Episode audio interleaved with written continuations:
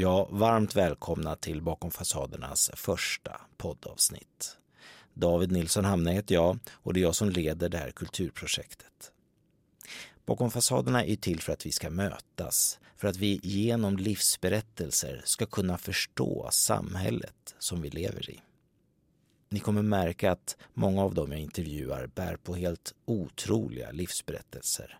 Det är sorg och det är glädje och det är allt däremellan. Så, nu börjar det.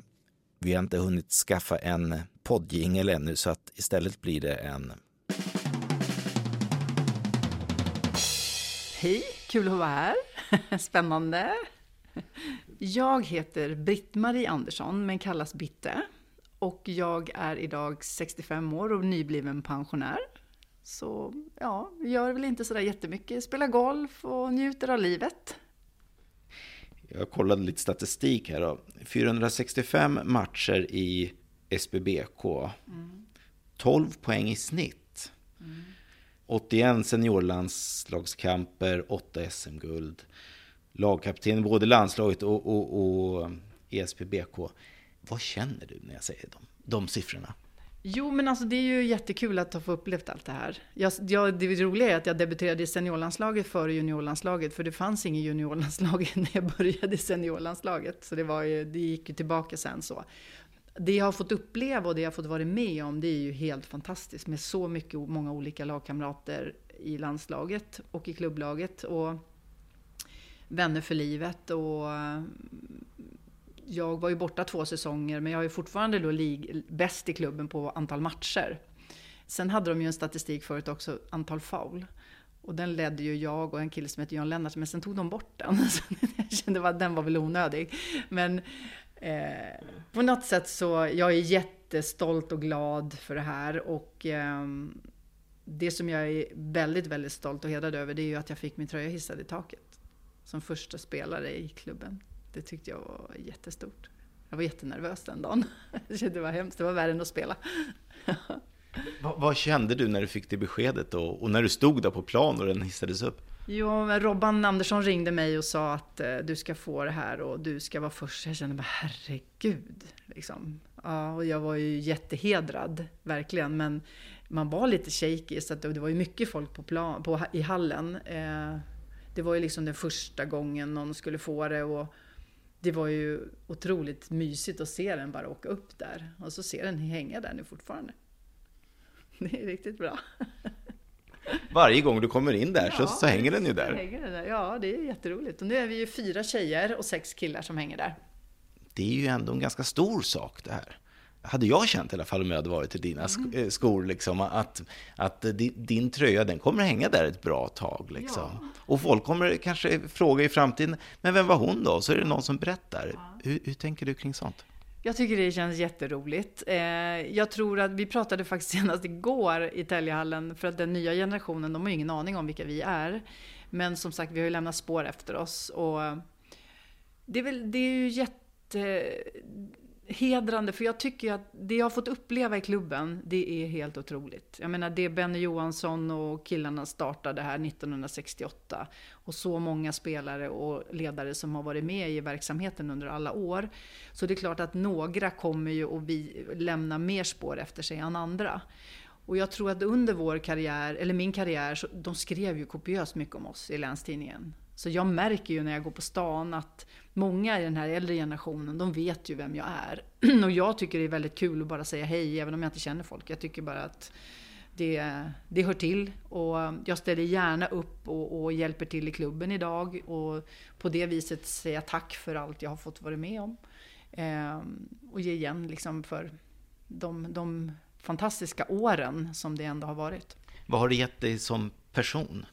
De här åren? Eh, jag tycker jag har blivit en, en eh, mera, som jag sa från början, väldigt ödmjuk människa och eh, bryr mig väldigt mycket om andra människor och framförallt också har fått otroligt mycket vänner för livet. Jag kan också känna att jag har full respekt för väldigt mycket mer saker idag. Jag tänker på det här med nu corona, eh, klubbens existens. Eh, man sliter, det finns ledare som sliter dygnet runt för att vi ska kunna även innan då, för att jag ska kunna få träna basket eller få spela. Och det här har gjort mig väldigt, väldigt ödmjuk till hur ideella människor och anställda människor verkligen sliter för att andra människor ska få kunna göra det de vill göra. Så jag tycker jag har fått tagit med mig väldigt mycket av det här genom åren. Att, att visa ödmjukhet, respekt och glädje över allt jag fått jobba med om. Om vi lämnar basketen ett tag då. Vad, vad lägger du ner mest hjärta i idag? Eh, jag har blivit mormor för första gången. Eh, inte för jag träffar dem jättemycket, men jag kan känna att det finns eh, andra saker i livet nu som kommer betyda mycket, mycket mer. Att kunna hjälpa till och vara mormor. Eh, jag eh, hjälper min mamma väldigt mycket eftersom jag inte har några syskon och hon bor hemma och sådär. Så jag lägger väldigt mycket tid på att se till att det funkar. Eh, jag har ju fördelen då att min sambo har hus i Thailand. Så jag brukar vara där några månader om året. Tyvärr kan vi inte åka dit nu. Eh, och eh, där hjälper vi också lite thailändare med lite ekonomisk hjälp. För att vi vet att de har det tufft. Eh, och sen så hjälper jag till i SPBK en del nu. Jag som senior så som gammal, som gammal pensionär som man blir då, så är man med i en pensionärsgrupp och vi försöker göra ideella uppgifter, till hjälp, hjälpa klubben ideellt med saker som annars kanske de behöver leja in och ta betalt för att det ska bli utfört. Eh, och sen hjälper jag några kompisar som jag vet har det lite tufft. Eh, så när jag har frågat runt lite grann här innan så, så, har jag fått en känsla av att du är ju engagerad i saker, samhällsengagerad. Förstår du vad jag är ute efter? Ute efter? Ja, det, det tror jag att jag gör. Jag har väl alltid varit en sån här människa som varit lite omhändertagande. Och jag kan inte riktigt säga varför jag har blivit så, men jag hade ju en vän som, som fick ALS och nu är borta. Och jag lovade henne att jag skulle, Marianne Eldebrink hette hon ju, och jag lovade henne att vi skulle kämpa för den här sjukdomen och se liksom, att vi skulle få in pengar till forskningen och Ja, för det var hennes verkligen högsta önskan. Att det här inte skulle dö med henne. Så att jag lovade henne att så länge jag orkade så ska jag försöka ha en, en, en dag varje år så ska vi eh, försöka få in pengar och eh, skick, skänka de pengarna till forskningen för ALS. Och sen har jag ju en nära vän nu som eh, miste sin son, också min gamla lagkamrat Ann-Marie Wikner som hon heter. Och hennes son dog hastigt här för några veckor sedan och jag visste ju att Ann-Marie hade det väldigt tufft. Så jag startade en insamling för att stötta henne i det här och framförallt kanske då begravningskostnader och så.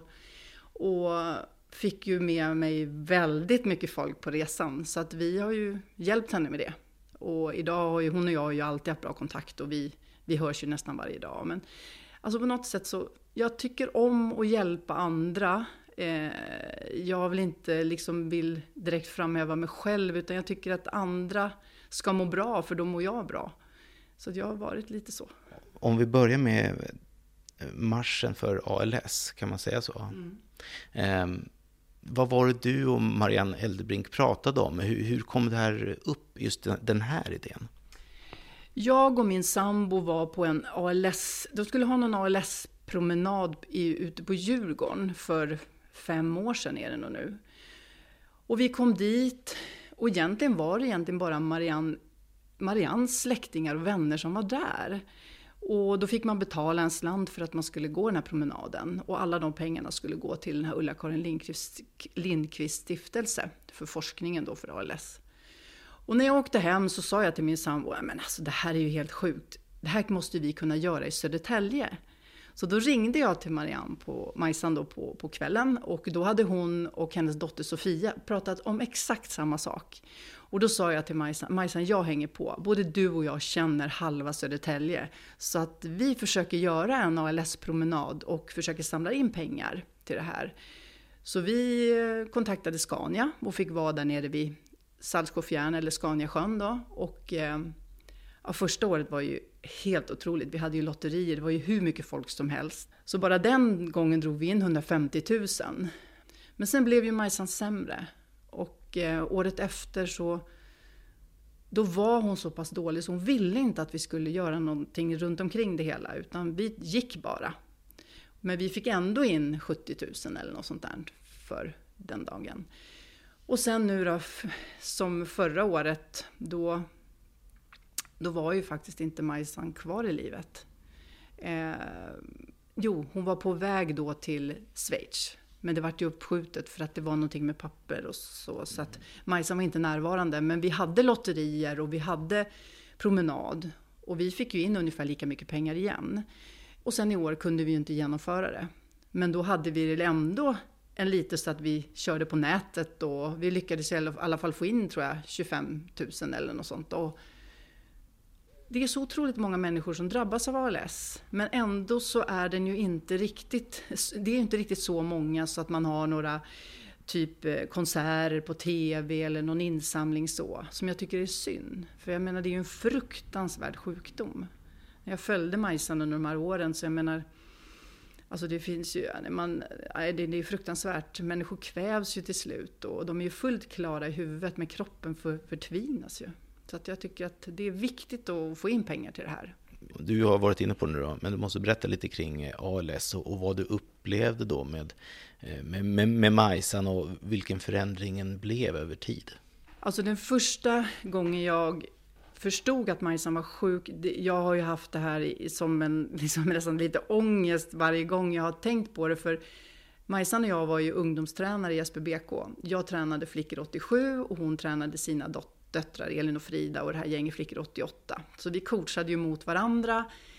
Och sen var det en söndag morgon som jag skulle ringa till Majsan och hon lät jättekonstig på rösten.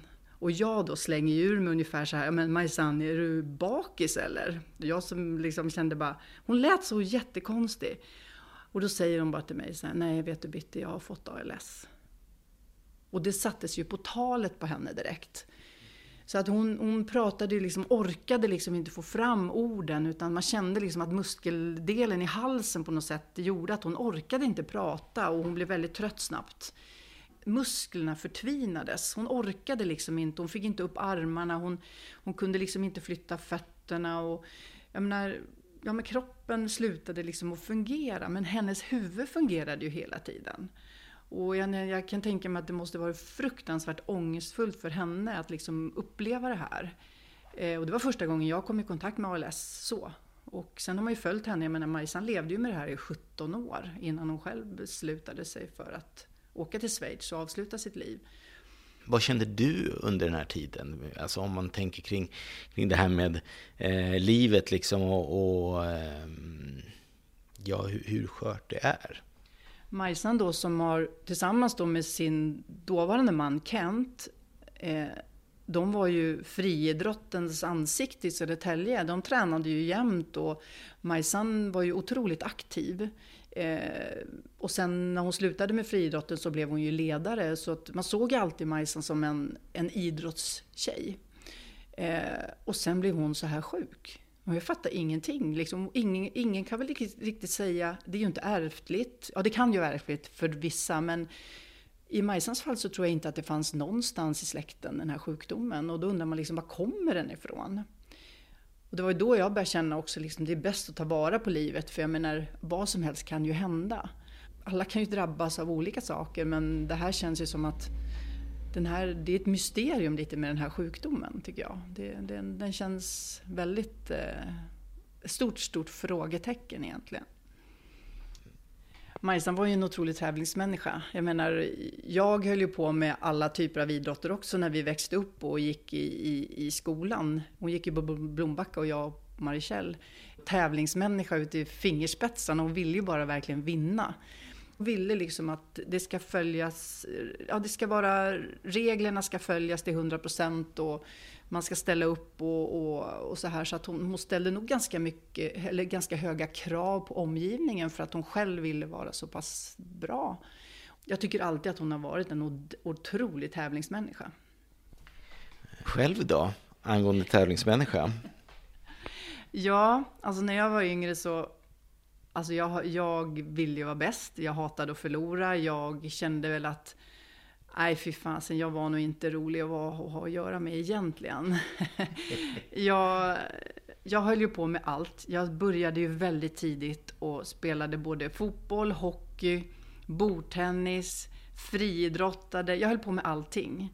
Eh, tills jag liksom fastnade för basket och fotboll. Eh, och jag tror inte jag riktigt kom ner på fötterna. För det gick ju väldigt bra för mig från början. Jag var ju liksom, vad jag än gjorde så var jag bland de bästa hela tiden. Och jag ville vara det. Men när jag bytte klubb när jag var 16 år och gick från Södertälje till ett Stockholmslag som heter BK Rush.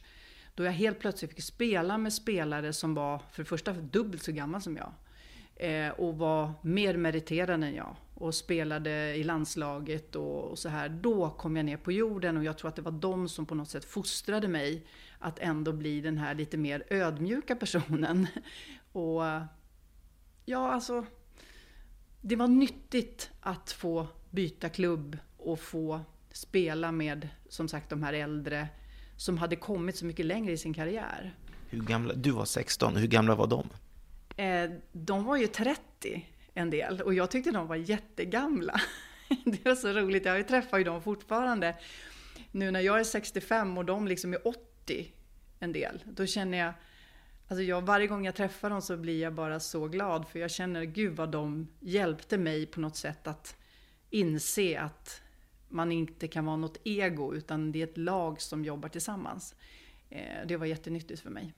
Eh, men trots den goda tiden du hade där i BK Rush, heter det va? Ja. Så, så kom du tillbaka till Södertälje efter två, tre år, eller? Ja, jag spelade där två år. Så kom jag tillbaka till Södertälje och tog med mig en spelare därifrån som heter Ann Fred som var jämngammal med mig. Då började ju satsningen på eh, att bli ett bra lag bara för en, en, som sportfåne blir man ju så lite intresserad av seriesystem och sånt där. När, när du spelade med eh, SPBK först, ja. var låg då damlaget någonstans? Alltså det fanns ju division 1 och division 2 och vi låg i division 2. Eh, så det fanns ju en högre liga. Och sen bytte jag klubb och spelade då, fick komma upp till det här BK Rush som året innan jag kom dit hade vunnit SM-guld. Så de var ju ganska bra. Men sen då när, när jag och Ann kom tillbaka till Södertälje, då spelade ju vi upp oss till högsta serien. Eh, även om vi hade lite tur där, för vi klarade inte den matchen vi skulle. Men det laget som vi, om vi säger så här, BK Rush lämnade vi. Och när vi kvalade upp till division 1 så förlorade vi den matchen för att gå upp direkt. Men det lag vi lämnade då, de, BK Rush, de drog sig ur. För de fick inte ihop tillräckligt med spelare. Så vi fick en gratis chans att spela om en plats för att de drog sig ur. Och då vann vi den och gick upp. Så egentligen så, Ann och jag lämnar BK Rush och de åker ur och vi tar oss upp istället. Så det var ju lite taskigt på ett sätt. Men vi hade lite tur och till slut hamnade vi i högsta serien och där har vi varit kvar sedan dess. Men alltså, det, det, det var egentligen en eh, en, en lucky shot här som, som gjorde att eh, SVBKs damer tog sig upp i högsta ligan. Det här är alltså 1970, nu ska jag säga, 76, 1975. Och sen så ligger vi som ett mellanlag 76 och sen vinner vi SM-guld 77. Och sen åtta på raken? Ja, nio på raken, fast då var inte jag med på det sista. Det är ju helt otroligt. Eh, vad, vad var det som gjorde att det blev sån otrolig framgång? Eh, jo, när vi kom tillbaka, Ann och jag, så var det ju inte bara vi som kom, utan vi, fick tillba- vi kunde värva Pia Eriksson och Ann-Marie Frykberg från Västerås, som också hade spelat i högsta ligan med Västerås och de hade vunnit SM-guld med Västerås. Så de var ju bra tjejer och de var i princip jämngamla med oss. Och eh, då visste vi att deras, deras kompis Ann-Marie Wikner, som också kom från Västerås, hon spelade i Högsbo i Göteborg och hon trivdes inte där. Så jag gjorde väl en liten fuling. För att på landslagslägret så gick jag ut och käkade lite extra med Wikner och frågade om inte hon ville komma till Södertälje. Och då var ju också Pia med och jag tror även Ann-Marie Frykberg var med. Så att vi, vi gjorde lite fult där, man ska inte göra sånt på läger. Men, så vi fick Ann-Marie att skriva på för oss. Eh, och eh, jo men då är det säsongen 66, 76, 77 ja. Och eh, Ann-Marie hade, varje lag hon hade spelat så hade ju vunnit SM-guld. Jag menar 1,93, jätteduktig tjej. Eh, hon var ju klart längst av alla också. Det, det var ju jätteviktigt att få en sån spelare i laget. Så eh, då hade vi ett väldigt, väldigt bra lag med henne. Och eh, då möter vi alltså Högsbo i första finalen, som hon, det laget hon kommer ifrån. Och så vinner vi hemma med två poäng och vinner borta med, tror det var 10 eller 12 poäng eller någonting. Så vi vinner SM-guld på bortaplan. Och det var ju en jättehit alltså.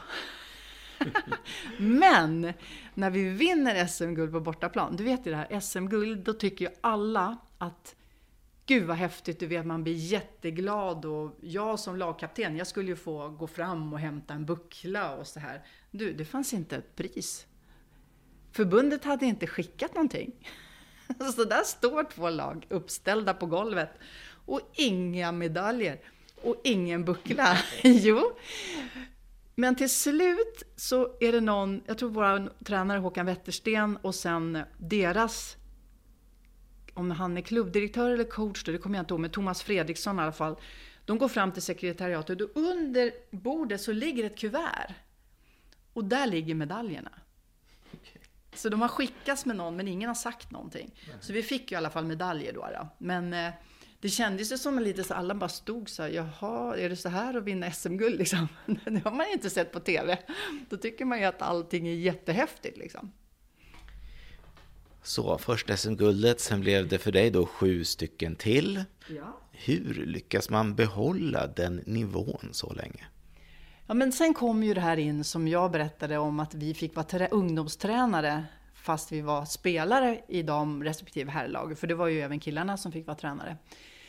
Och så kommer ju då den här generationen med, ja du vet, Mia Broander, Mia Lerner, Gunilla Viktorin, Åsa Månsson. Eh, vi plockade en tjej som heter Kerstin Skagius ifrån Örnsköldsvik som också in, som varit inneboende hos Gunilla Viktorin, en 15-årig tjej. De här var ju jätteduktiga. Och jag var ju lite stolt för jag hade ju varit tränare för dem. Och vi plockade ju upp hela det här gänget samtidigt.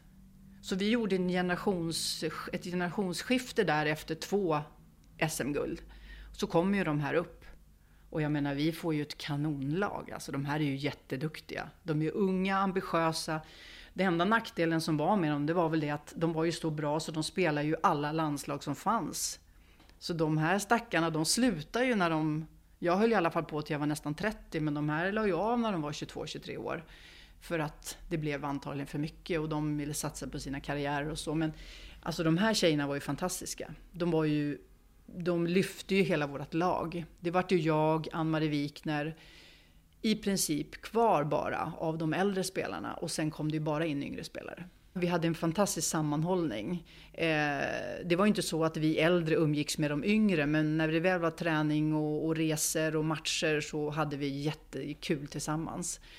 Det hände ju väldigt mycket under resans gång också. Jag menar, det var ju föräldrar som blev sjuka, någon miste sin förälder. Det var liksom ja, det, allt det här som kan hända i ett lag. Men vi var ju väldigt sammansvetsade. Och sen tror jag också att jag då som lagkapten fick bli lite morsa över många av de här. Och, och, vi trivdes så bra tillsammans så man längtade faktiskt till träningarna. Och vi hade ju olika ledare under resans gång också. Som ja, alla tycker jag har bidragit till att vi, vi blev så bra som vi blev. Den här lagkaptensrollen då, den fick du ju eh, tidigt. Ja, alltså jag har varit lagkapten nästan när jag var 14 år. Och på något vis så jag vet inte om jag hade den där ledarstilen i mig eller om det var, jag vet inte, men, men jag var lagkapten under hela min karriär, både i landslaget och, inte sista åren i landslaget, men nästan hela tiden där och sen i klubblaget. Och där kom väl också in den här liksom att ta hand om, beskydda lite ja, och liksom hålla ihop, eh, peppa varandra, hata och förlora. Ja, men vi fick, ja men det, det kändes, det kändes på något sätt som att alla andra respekterade att jag var det. Tror jag i alla fall, det är ingen som har sagt något. Men, Men hur var det att vara lagkapten då? Det, det, är ju ett ansvar. Det är ju, samtidigt så tycker jag att våra tränare var så bra för de lät mig Alltså, jag kunde styra lite på plan, men jag hade också väldigt bra kontakt med vissa vid sidan om. Många behövde. Det hände saker som gjorde att istället för att prata med mamma och pappa så kunde man prata med mig. Och, och, så jag blev lite en, en ledarfigur även på plan och även vid sidan om plan. Och den känner jag på något sätt att jag har kvar även med det här. För att är det så att vi ska skaffa, träffas någon gång och någonting så nog fasen är det jag som, ska dra, som drar ihop det. För jag känner att ja, men jag har ju alltid gjort det. Är det så i, när det inte är basketgänget då, när det är andra gäng också, har det, har det präglat dig liksom? Ja, nu spelar jag ju golf.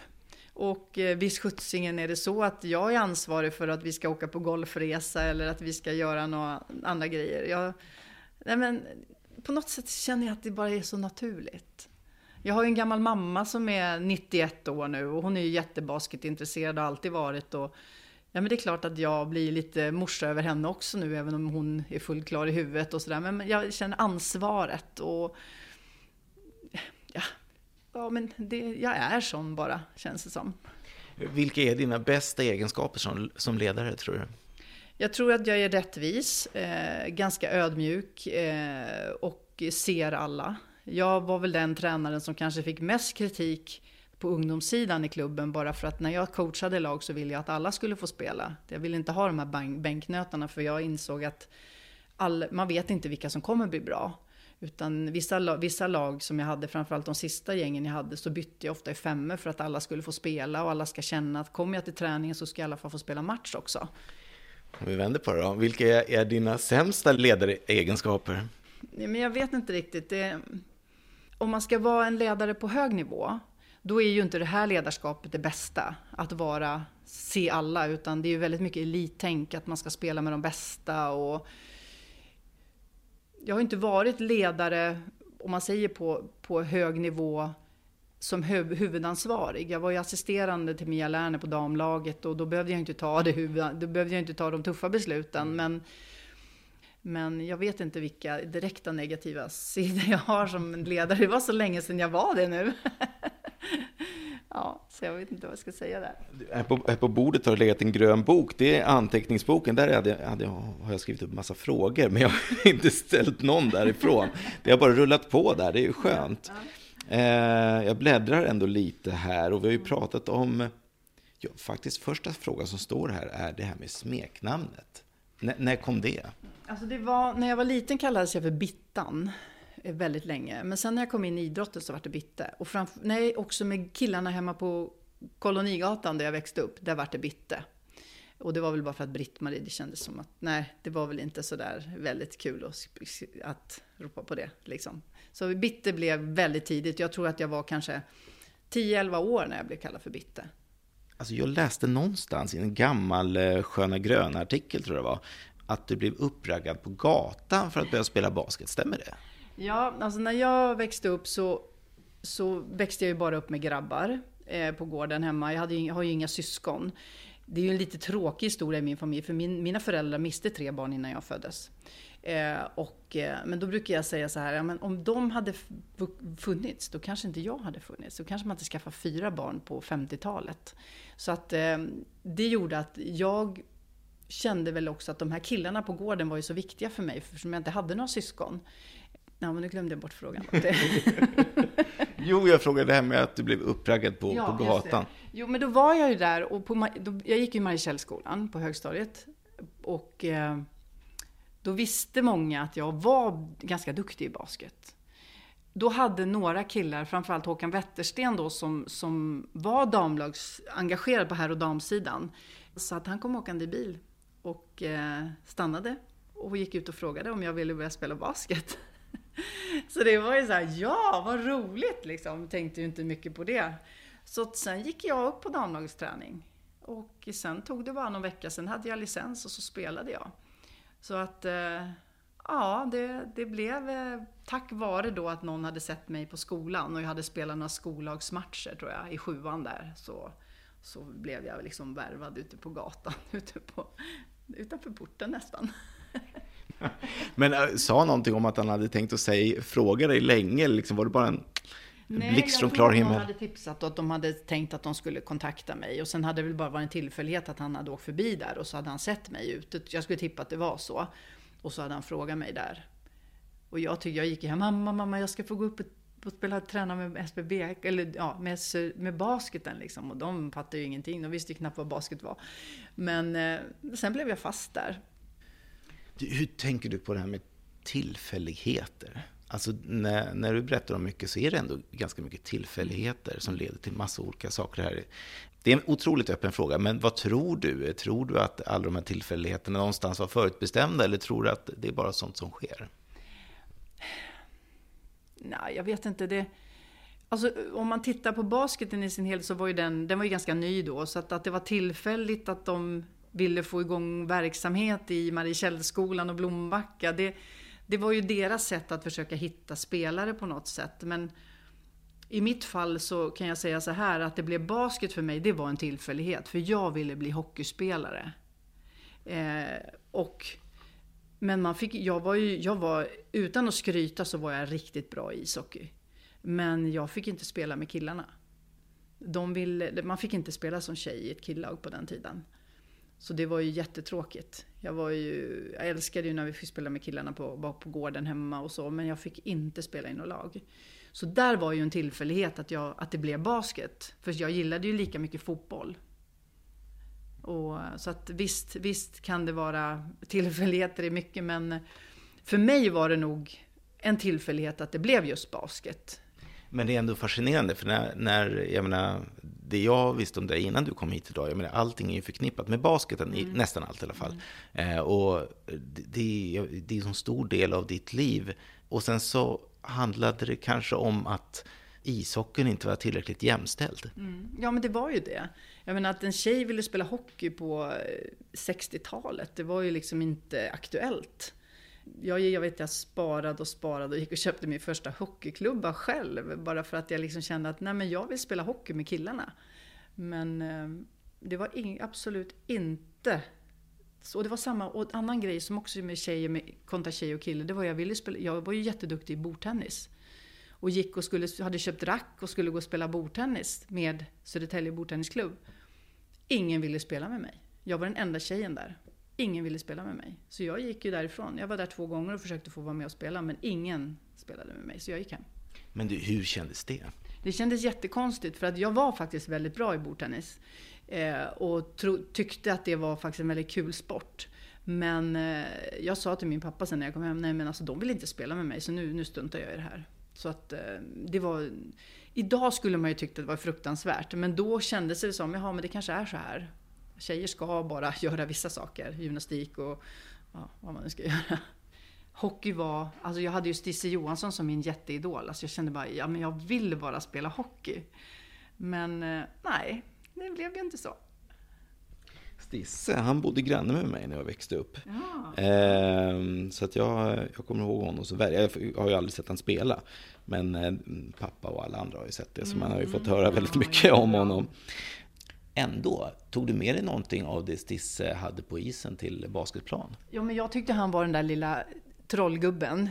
Och lite satt och sådär och liksom teknisk. Eh, ja, han, han var en fighter hela tiden. Och på något sätt så... Jag vet inte var jag fick mitt bollsinne ifrån, men jag hade ju ett otroligt bollsinne. Och det märkte jag då när jag började spela basket och när jag spelade fotboll också, att, att jag levde ju väldigt mycket på det. Eh, jag kunde skjuta hårt i fotboll och jag, jag, kunde dribbla med båda händerna som man säger då i basketen som kanske inte var så vanligt på den tiden. Idag är ju det en självklarhet men det var inte riktigt så i början på, eller på 60-talet. Eh, så att eh, jag tror, jag säger det fortfarande att min, eh, grabbarna på gården fick mig att bli väldigt allround. Vi höll ju på med allt. Och eh, jag fick utmana mot dem och de struntade i om de tacklade mig. Liksom. Det spelar ju inte dem någon roll. Fast jag, och man fick ju ta lite hårda tyglar och liksom de tacklade och, och snodde bollen och pucken och sådär. Då ville man ta tillbaka den. Och, så att jag tror att jag fick lite av den här jävlar anamma där. Om vi lämnar basketen ett tag då. Vilka saker ser du fram emot mest just nu? Först ser jag ju fram emot att man ska få frisk och kry, det är en sak. Men sen ser jag också fram emot att mina barn och barnbarn, mitt enda barnbarn, men mitt, mina barn, ska få det, ha det bra och att få vara friska och bra jobb. Och den ena har bra jobb men den andra håller på att utbilda sig. Och att det ändå ska funka bra för dem i framtiden. Jag kan känna då med tanke på min uppväxt, så det är klart på 50, 60, 70-talet så levde man på ett speciellt sätt och nu är vi liksom 2020 och det, det händer ju väldigt mycket i världen. Så att det är ju bara att hoppas att, att, nej men att de får ett bra liv. Jag, det betyder ju mest för mig. Sen att jag också får vara frisk och kry och få följa med och se deras resa ett bra tag till är ju också någonting som jag ser fram emot. Jag känner att du är ganska positiv eh, i grunden, är du det? Ja, jag tycker ändå att jag är en ganska positiv person. Jag tycker att, framförallt också kanske för att de runt omkring mig mår bra och jag ser att, ja, alltså jag har inte just nu någonting att klaga över. Men jag, jag, just för att jag är positiv och att jag vill hjälpa så känner jag också att de människorna som jag hjälper ser jag också att jag, det jag hjälper dem med gör att de är tacksamma. Vad går du och grubblar mest på då? Jag vet inte just nu. Alltså, vad grubblar jag över? Nej, men jag, jag, sen kan jag återigen komma tillbaka till det här att jag tycker att det är tråkigt att det, att det är sån skillnad på hur vissa människor lever och mår och har det. Jag har ju några nära mig som jag vet har det otroligt tufft och det är klart att jag tänker på dem ibland när man själv har det bra. Sen kan jag tycka att det här med Corona är ju inte någonting. Jag menar om alla kunde ta ansvar nu och hålla sig i skinnet lite grann så kanske vi skulle kunna få lite bukt med den här och kunna börja leva lite. För det är ju inte sådär jättekul och om vi håller oss hemma och håller avstånd och det här och sen så ser man att framförallt ungdomar, de bryr sig inte en del. Och det kan jag också tycka är, det är lite negativt i mina tankar, även om jag inte brukar vara så negativ. Men jag tycker att det, det gör ju inte att vi tar det försiktigt, även om inte de andra gör det. För de kommer ju hem till människor som de sen smittar ner. Och sen har vi det här runt om oss i alla fall eh, jättelänge. Vad, hur ser din ödestro ut? Vad har du för tankar liksom kring kring döden och hela den biten. Vad tror du, vad tror du det här handlar om? Varför är vi här? Ja, alltså det där har jag tänkt på någon, många gånger. För jag tror ju inte direkt på någonting direkt efter döden. Jag menar, dör vi så dör vi. Och det, jag menar, det, eller när vi dör så dör vi. Men eh, jag tycker att vi har jag har ingen rädsla för döden så att oj gud om tio år kanske jag är död. Utan jag tycker liksom på något sätt att döden har ju... Innan, innan min pappa dog så hade jag inte sett någon död människa. Så då blir ju också den här, men gud, hur ser, hur ser man ut när man är död? Jo, det har jag gjort förstås. Jag har ju sett när en av min... Vi hade ju en basketspelare som dog när hon var bara 14 år. Så då var vi ju där. En Kristin Asa som var syster till en av, av eh, eh, spelarna jag tränade. Som kom hem från skolan och sen hittade de henne helt medvetslös på soffan. Och eh, sen tog det bara fyra, fem dagar så var hon helt död. Och eh, då kunde jag känna att det var jävligt orättvist att en 14-åring ska få lämna livet före oss äldre. Eh, och eh, det är väl likadant nu när min lagkompis Ann-Maries son dog här för några veckor sedan. Att men han hade 32 år, han hade ju hela livet framför sig. På något sätt så, det kan jag känna är orättvist när unga människor dör och många äldre liksom som, ja, nej men jag vet inte hur jag ska uttrycka det men det finns, det finns, jag är inte rädd för döden men jag tycker att jag tror inte på någonting efter döden men döden kan vara väldigt fint men det är också brutalt när unga människor dör. Du är ju en lagkapten, du är lagledare och du, är, du leder framåt och du tar gärna det ansvaret. Mm. Eh, det här med att liksom ha kontroll, mm. är det viktigt? Ja, det tycker jag nog. Jag vill ha lite kontroll på eh, saker och ting som ska ske och, och, eh, jag vill inte att det ska vänta, utan det ska göras nu. Alltså man ska inte, ja men om vi gör det imorgon, nej nu gör vi det nu så det blir färdigt jag vill ha liksom att, ja, ska det, vara, ska det göras något så, så, så ska vi inte vänta på det, utan det ska göras på en gång. Men är det inte då lite jobbigt det här med att inte ha, eh, känna att det, det, det kommer bli nattsvart när man går bort? Är det inte lite jobbigt? Då har man ju noll kontroll. Eller är det den enda kontrollen du har i det? Nej, men samtidigt så skulle jag vilja säga så här att ingen av oss vill väl ligga där som ett kolli och vänta på att dö. Utan ska man dö ska man väl dö på pang pom på bara. Eh, och det vet jag då när min pappa gick bort att han hade ju sagt till mig, jag vill inte bli något kolli. Och jag menar, nej, det har jag också bestämt. Jag vill inte heller bli det, men det, jag kan ju inte välja. Se på Majsan då som valde att åka till Schweiz och, och avsluta sitt liv för att hon var klar. Eh, det kan vi ju inte göra alla människor, utan vi, vi får ju vänta in det. Men visst, den dagen man ska dö så det är klart att då kommer ju säkert situationen se helt... Då kommer man ju säkert alltså, tänka annorlunda och tycka att det är jättejobbigt och ångest och alla saker. Det tror jag säkert. Men idag vill jag inte gå och tänka så. Jag vill liksom hinna med och göra så mycket saker och verkligen hoppas att man får vara frisk, för det är ju det enda. Det är, men eh, att få vara med och följa barn och barnbarn och se var de kommer och vad som händer. Men visst, när döden närmar sig så har du några sådana eh, sköna anekdoter från basketkarriären som kan vara kul att, att få ta del av? Ehm, ja, alltså vi hade ju Lasse Broander, som alla vet, som ägde LB Livs, eh, som ordförande under många år i klubben. Och han var ju otrolig med att ta hand om oss spelare. Och eh, när vi hade blivit skadade eller något så tog han oss i bil, eller folkabuss, och åkte ner till Norrköping. Där vi fick träffa en kille som heter CG.